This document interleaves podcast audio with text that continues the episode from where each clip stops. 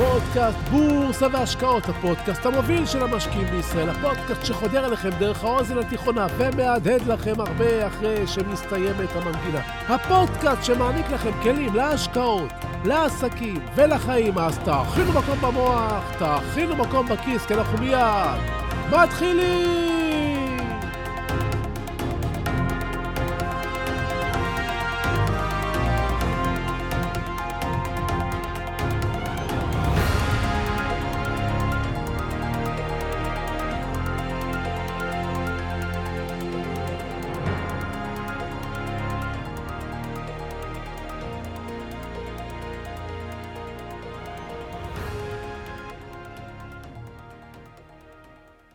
בני אדם שונאים סיכונים. אחת הדוגמאות הטובות לכך היא במחקר אודות שנאת הסיכון. באחד המחקרים התבקשו הנבדקים לבחור באחת מבין שתי חלופות. לקבל 400 שקלים בוודאות, או לקבל 1,000 שקלים בהסתברות של 50%. רוב הנשאלים בחרו באפשרות הראשונה, למרות שההסתברות בזכייה של 1,000 שקלים היא גבוהה יותר. כדי להסביר את זה טוב יותר, נשתמש באחת משיטות החשיבה, והיא שיטת ההכפלה. כדי לראות את הסיטואציה טוב יותר, אפשר לחשוב על שני אנשים שבחרו באופציה הראשונה, ועל שני אנשים שבחרו באופציה השנייה. לשני הראשונים שבחרו לקבל 400 שקלים כל אחד, יש ביחד כעת 800 שקלים ביד. 400 השקלים שכל אחד מהם קיבל. ואילו לשני האחרים יש ביחד אלף שקלים. אחד זכה ואחד לא. הבעיה היא שאותם אלף שקלים מחזיק רק אחד מהשניים האחרונים, וחברו נותר ללא על כסף, אף שקל אחד. אבל אם הם שיתפו פעולה מראש, הם יחלקו את הזכייה, ועכשיו לכל אחד יש ביד 500 שקלים. החשש להישאר ללא שקל אחד הוא זה שמדריך את רוב האנשים. לכן הם בוחרים באופציה הראשונה, לקבל 400 שקלים בטוחים ביד. שנאת הסיכון התגלתה כאלמנט החוזר על עצמו פעמים רבות. לכן היא נתפסת כחוקיות. אחד החידושים של קהנמן וטברסקי היה שהם הוכיחו שרווח והפסד הם בכלל מושגים פסיכולוגיים ולא רק כלכליים. המודל שלהם מלמד ששיעור השמחה שלנו בקבלת 100 שקלים נמוך משיעור הצער על הפסד של 100 שקלים. כלומר, אי אפשר לפצות על ההפסד של 100 שקלים באמצעות רווח של 100 שקלים. אנחנו שונאים להפסיד, ממש, ושנאת ההפסד מובילה אותנו לעתים למצבים פרדוקסליים. מצב שבו מציעים לאדם 10 שקלים בוודאות, או 70 שקלים אולי. רוב האנשים יעדיפו לקבל עשרה שקלים, למרות שהאובדן הרווח הפוטנציאלי הוא 60 שקלים. לעומת זאת, אותם אנשים יכולים להחנות את רכבם ולהימנע מרכישת כרטיס חנייה או הפעלת פנגו במחיר של כמה שקלים. מה הסיכוי שיבוא דווקא עכשיו פקח? הם מרגיעים את עצמם ומתעלמים מכך שהקנס יכול להיות 100 שקלים.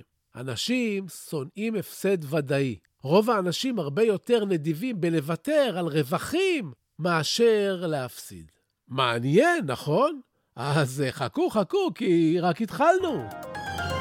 שלום וברוכים הבאים לפודקאסט בורסה והשקעות, הפודקאסט המוביל של המשקיעים בישראל. אני מדבר על המוח, על מחשבות, על סחרי יום, על סיכונים, וכמובן על עוד דברים מעניינים. אז תהיו ממוקדים, תאכינו מקום במוח, תאכינו מקום בכיס, כי אנחנו מיד ממשיכים.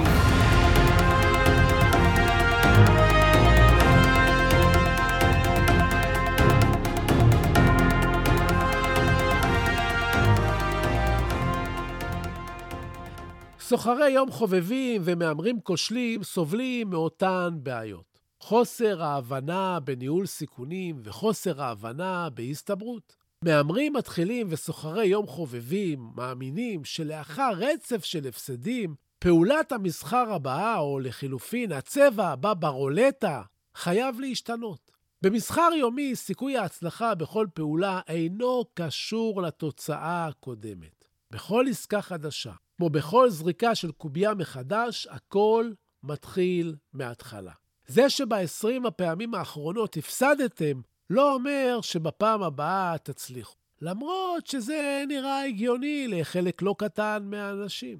אתם אולי קצת מתפעלים שאני משווה הימורים למסחר יומי, אבל האמת שזה אותו דבר. אף אחד בעולם לא יכול לדעת בוודאות ולאורך זמן מה יהיה שערו של הדולר עוד שעה, או אם המניה תעלה או תרד חצי אחוז. גם הניתוח טכני לא יעזור לכם יותר מדי, למרות שנראה לכם שאתם מצליחים לראות דרך הגרף את התמיכות, ההתנגדויות, הממוצעים הנעים. זו העובדה.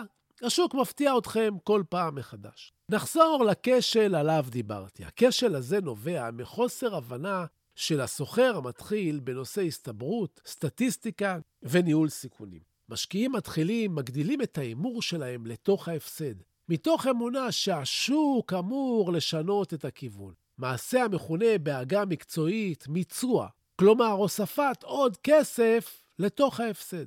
אין שום היגיון במעשה כזה, כי משקיע מקצועי אמור לעשות ההפך, להגדיל את הסיכון לתוך הרווח.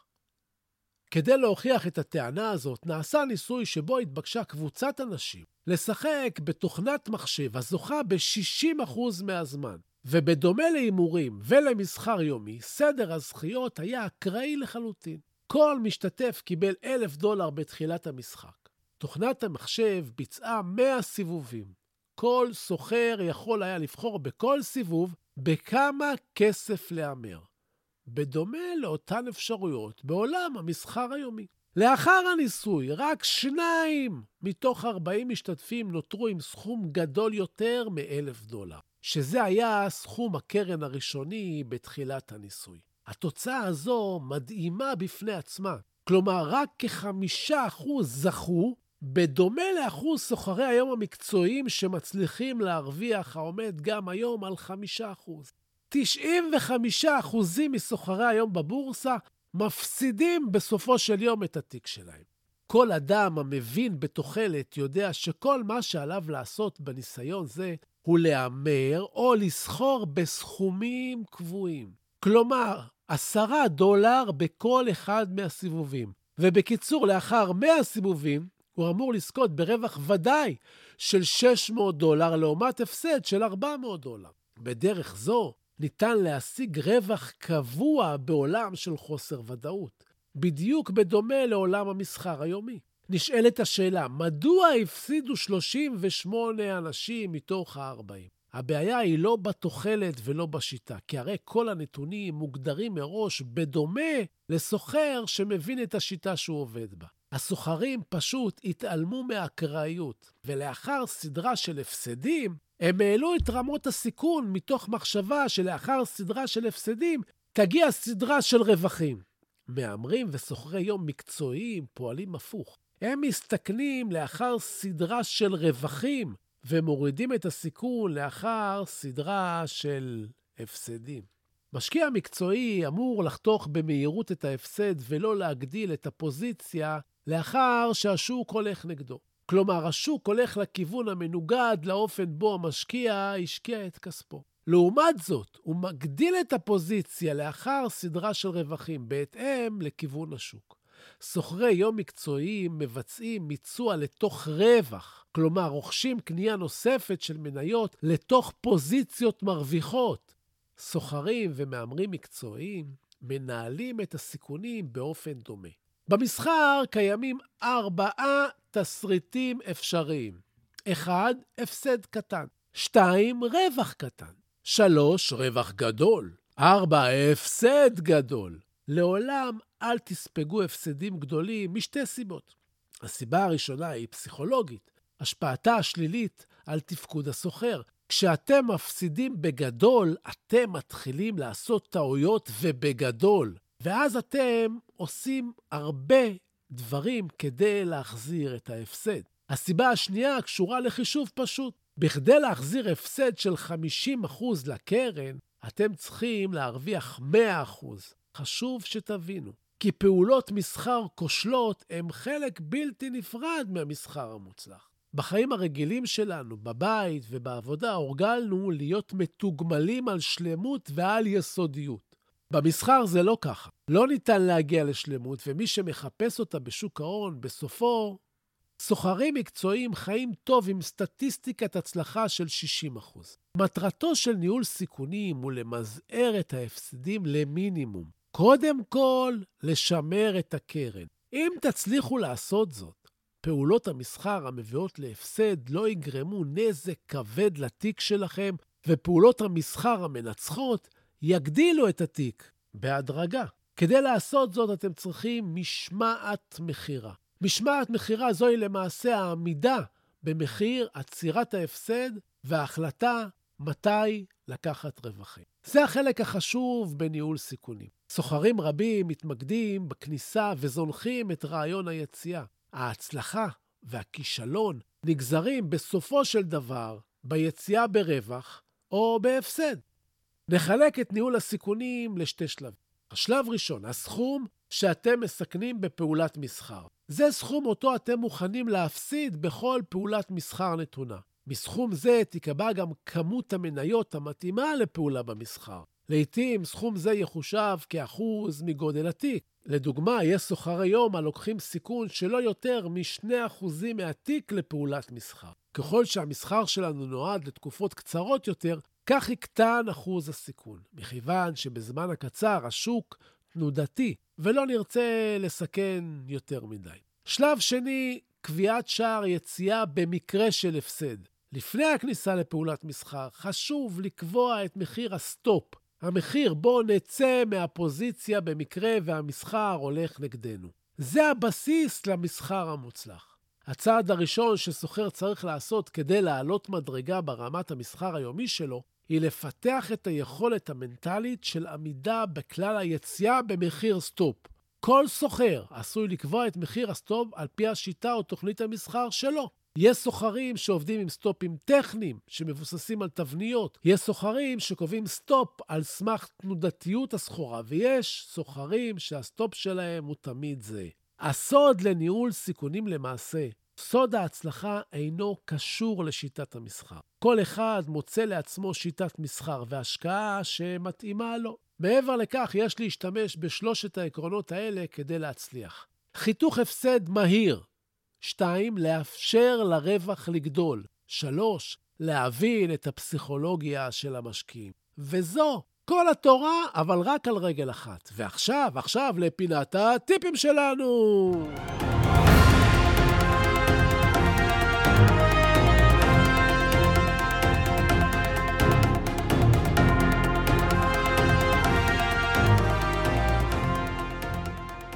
הטיפ שלי לפרק הזה הוא קצת שונה. הפרק הזה מורכב ויש בו הרבה מידע שכדאי להבין ולכתוב ולערער. קחו דף ועט, תאזינו שוב ותכתבו לעצמכם את חוקי המסחר החדשים שלכם. זה יחסוך לכם הרבה הפסדים. תנסו גם לעשות 100 עסקאות עם אותו סכום כסף בכל עסקה, ותראו אם זה שינה לכם משהו. יש? אז זהו לנו להיום, ובסיום אני שב ומציין, כן, מה שאני אומר, המלצה מקצועית או ייעוץ מקצועי, את אלה תמיד כדאי לקבל מיועץ מוסמך עם רישיון, לי אין. אני רק משתף אתכם במה שאני חושב. המניות שאני לפעמים מדבר עליהן כאן, אתם צריכים לדעת. אני לפעמים קונה מהם, לפעמים מוכר מהם, ואני אף פעם לא מנסה לכוון אתכם לפעולה כלשהי, אלא רק לגרום לכם, נכון, לחשוב, לחשוב, לחשוב. אתם גם מוזמנים להעמיק באחד הקורסים שלי באתר סודות, להרחיב את הגבולות של הידע שלכם, לקבל מתנה, ספרים ועוד הרבה דברים, וגם לשכלל ככה את היכולת שלכם. תודה. תודה על התגובות החמות, תודה על השיתופים, תמשיכו ותפיצו, וככה נגדל יחד. תודה להילה ברגמן, שעורכת ומאירה ומפיקה את הפודקאסט הזה. ועד הפגישה הבאה שלנו אתם מוזמנים לשמור איתי על קשר, לבקר באתר שלי סודות.co.il, לכתוב לי מייל דרך האתר, לעקוב אחריי באינסטגרם, חשוב, סודות, כף תחתון בורסה באנגלית, תיכנסו ותירשמו למגזין שלנו www.vvv.co.il תודה. תודה רבה שהאזנתם. אל תשכחו להירשם, תקבלו ככה עדכונים באפליקציה שאתם מאזינים דרכה. כל פעם שעולה פרק חדש, תקבלו הודעה. תהיו טובים, תעזרו למישהו שצריך. תעשו משהו טוב לעצמכם, תלמדו משהו חדש, תתקדמו, שיהיו לכם בשורות טובות, בריאות, אושר, הלוואי שתתעשרו בהקדם. אני הייתי צביקה ברגמן, ואנחנו, אנחנו ניפגש בקרוב!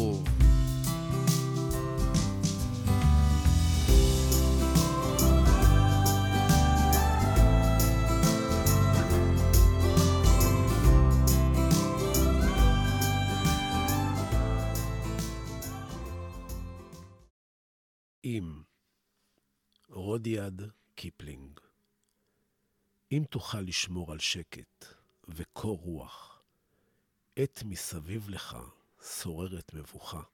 אם בין מפקפקים תוסיף להיות בטוח, אבל גם לספק תדע לתת לבך.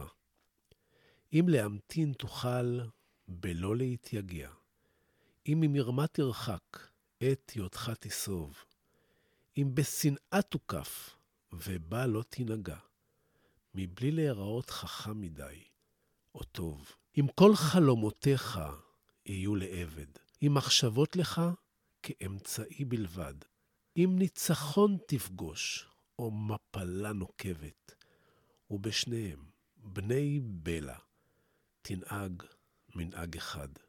אם תוכל לסבול דברים אשר השמעת, בהיסלפם להיות מלכודת לבורים, אם עת מפעל חייך תראה שוקע מטה, ושוב תחל לבנות אותו מן השברים, אם לאסוף תוכל את כל דברי הערך אשר לך, לערמה ולסגנם, להפסידם ולצעוד מראש הדרך, בלא להפטיר מילה על שאבד חינם. אם לבבך יוסיף לפעום ללא מנוח, וגם בכבוד העול, בעול יהי מושך. ולא יחדל עת אבד ממך כל הכוח, כל עוד רצונך קורא אליו. המשך. אם בין המונים תחזיק במידותיך, ובחצר מלכות תדע לנהוג פשטות. אם לא יאכלו לך אויביך או רעיך, אם כל אדם תוקיר כיאה וכיאות. אם למלא תוכל כל דקה לא נסלחת, בשווי ריצה למרחק של שישים שניות. לך, לך תהיה הארץ וכל אשר עליה. ועוד יותר מזה, בני, תהיה אדם.